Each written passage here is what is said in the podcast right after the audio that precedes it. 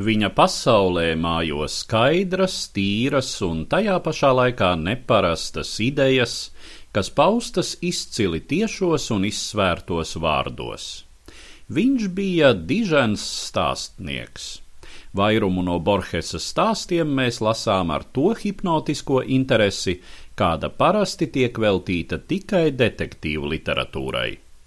Tā perujiešu rakstnieks Mario Vargas Ljosa raksta par savu vecāko kolēģi Latīņamerikas literatūras laukā, izcilāko no Argentīnas rakstniekiem Jorge Luisu Borgesu, kurš dzimis 1899. gada 24. augustā. Ievadā vienai no Borgesa izlasēm Krievu valodā tās sastādītājs Psevolods Bagno bilst, ka tad, ja viss pasaules literārais mantojums ietu mums zudībā un paliktu tikai Borgesa rakstītais, tas sniegtu mums pietiekami spilgtu un izsmeļošu priekšstatu par zudušo. Borgesam ir izdevies savā daļradē uzbūvēt mazu pasaules kultūras modeli – un patiesi aizgrābjoša ir tā deksme, ar kādu viņš visu mūžu meklējis un atradis šī modeļa detaļas visu zemju un laikmetu kultūrās. Borgesa iedvesmas templis ir bibliotēka, un uz altāra tajā enciklopēdija.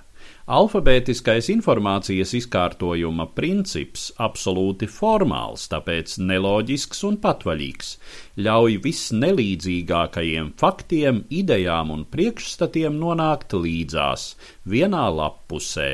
Šāda kaleidoskopiska pasaules aina jau kopš jaunām dienām Borgesam šķiet daudz valdzinošāka nekā labi būvētu sižetu spraigā prognozējamība. Te rodas un attīstās māksla, kura viņam bijusi nozīmīgākā - lasīšanas māksla.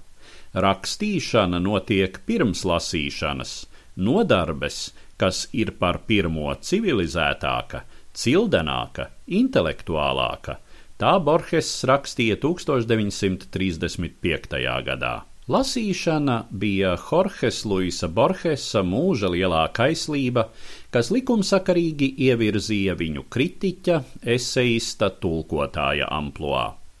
Viņam šķita ļoti svarīgi pasaules literatūras būtiskākos dārgumus ienest dzimtās Argentīnas kultūras ainā. Tomēr ne jau šis ar prieku pieņemtais un pildītais dzīves uzdevums padarīja Borgesu par to tālu saskatāmo virsotni, kāds viņš ir pasaules rakstniecības ainavā. Tas kļuva par varen auglīgu, bet tikai augsni, kurā sakņojās un nobrieda dižanā argentīnieša daļrades kodols, pāris desmiti viņa stāstu. Un tam iemesls bija dramatisks negadījums, kas Borgesu piemeklēja 39 gadu vecumā.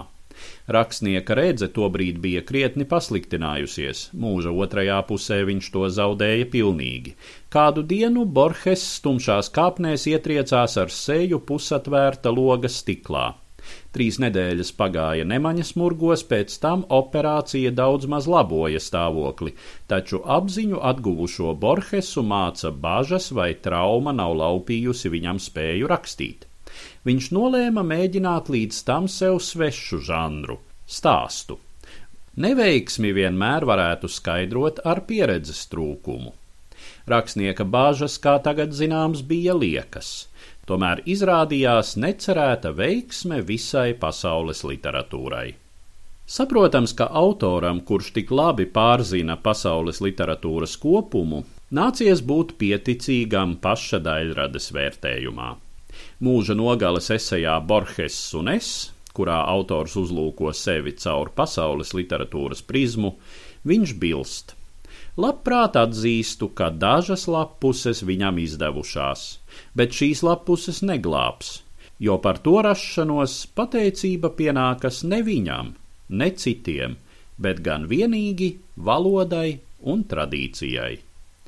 Stāstīja Eduards Liniņš.